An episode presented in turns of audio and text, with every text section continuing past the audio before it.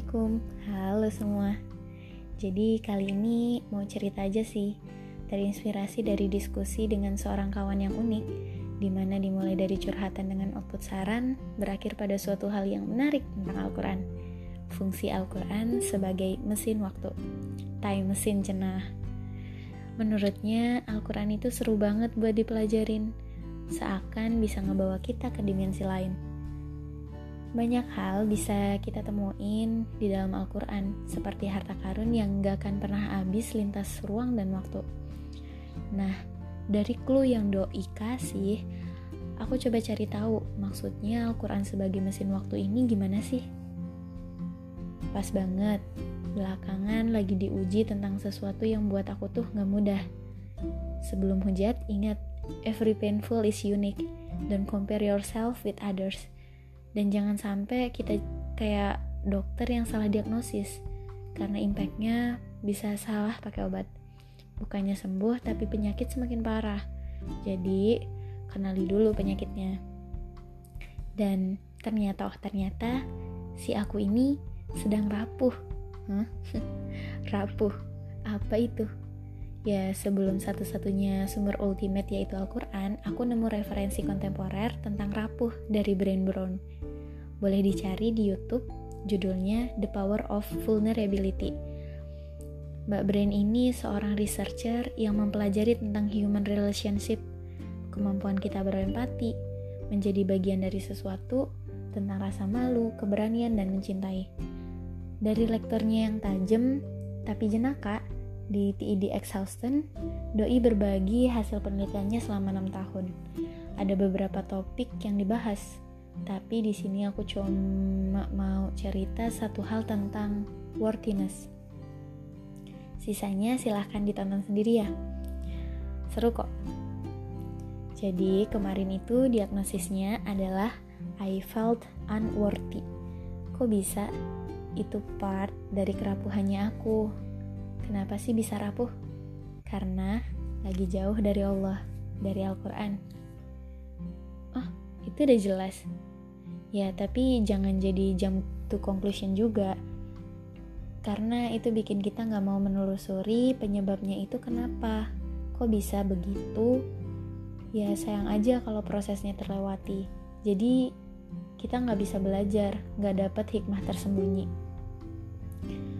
Padahal Allah udah langsung kasih statement kalau kamu itu berharga. Nggak percaya? Ada di Quran surat Al-Isra ayat 70. Bentar, aku bacain. Artinya, dan sesungguhnya telah kami muliakan anak-anak Adam, kami angkut mereka ke dar di, di daratan dan di lautan, kami beri mereka rizki dari yang baik-baik dan kami lebihkan mereka dengan kelebihan yang sempurna atas kebanyakan makhluk yang telah kami ciptakan. Nah, back to time mesin, mesin waktu. Uh, aku cari tahu kalau di Al-Quran gimana ya Allah bahas tentang kerapuhan ini Al-Quran ngebawa kita traveling lintas ruang dan waktu. Kali ini karena aku lagi pengen belajar tentang kerapuhan dan Allah bawa aku pada sebuah kisah tentang perempuan luar biasa. Perempuan spesial yang Allah muliakan. Maryam namanya. Wanita suci yang gak pernah disentuh laki-laki, selalu tinggal di, di rumah Allah dan gak pernah macam-macam. Hingga datang kabar dari malaikat Jibril kalau Maryam akan memiliki anak tanpa disentuh siapa pun. Pastinya ini berita yang bikin dia shock berat. Kemudian Maryam pergi mengasingkan diri. Saat dia kembali ke kotanya dalam keadaan hamil besar, lalu satu desa menghujat, mempermalukan, tidak lagi menerimanya sebagai bagian dari masyarakat, padahal ia terkenal sebagai wanita suci. Saking hopelessnya, apa yang Maria minta sama Allah? Dia minta kematian. Maria bilang, Aduhai, alangkah baiknya aku mati sebelum ini. Dan andaikan aku menjadi seorang yang tidak diperhatikan lagi dilupakan. Pada Quran, pada Quran Surat Maryam ayat ke-23. Bukan hanya kematian, tapi juga nasyian mansia. Nasyian ya istilahnya I wish nobody miss me. I wish I go invisible gitu. Dan mansia yang berarti benar-benar terlupakan. Betapa manusia mulia, pilihan Allah pun pernah ada di kondisi merasa unworthy. Dan itu bagian dari kerapuhan yang sebetulnya pemberian dari Allah. Karena di balik rasa sakit yang luar biasa bagi Maryam, baik fisik maupun mental, Maria mendapat hadiah terbaik dari Allah. Tidak ada disebutkan dalam Al-Quran Nabi yang memiliki nama lengkap dengan bin kecuali Nabi Isa. Gak ada Ismail bin Ibrahim atau Muhammad bin Abdullah, hanya Isa yang disebut Isa bin Maryam. Isa putra Maryam. Doanya untuk dilupakan justru Allah berikan skenario terbaik dengan membuat Maryam dikenang sepanjang sejarah peradaban, peradaban manusia. Kenapa Maryam diuji dengan sesuatu yang menyakitkan? Bukan karena Allah nggak suka sama dia atau ingin mempermalukan dia, tapi Allah gave her an honor. Sometimes, your pain is going to be relief for other people. Your painful experience bisa jadi jalan untuk kebagi kebaikan orang lain. Then, someday you will say, I've been there. Sambil ngetawain, kok bisa ya dulu tuh drama banget ya gitulah manusia ya saya manusia kalau nggak drama nggak seru cenah nggak nih maksudnya kalau nggak drama nggak akan tahu sebegitunya butuh Allah dan cuma Allah satu-satunya penolong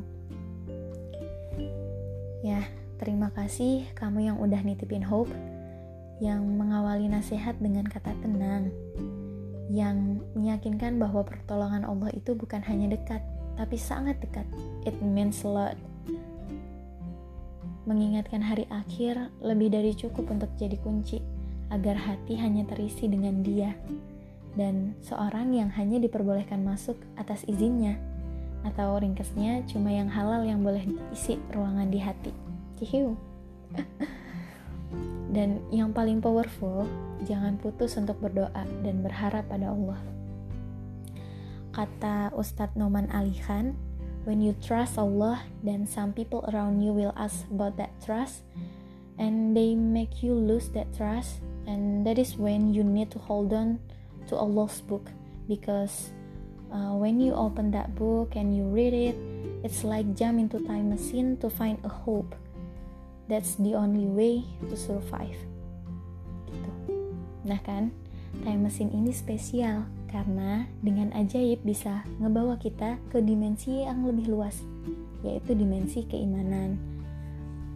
Kata seseorang dan aku mempercayai itu hanya orang-orang beriman yang meyakini sesuatu yang unseen.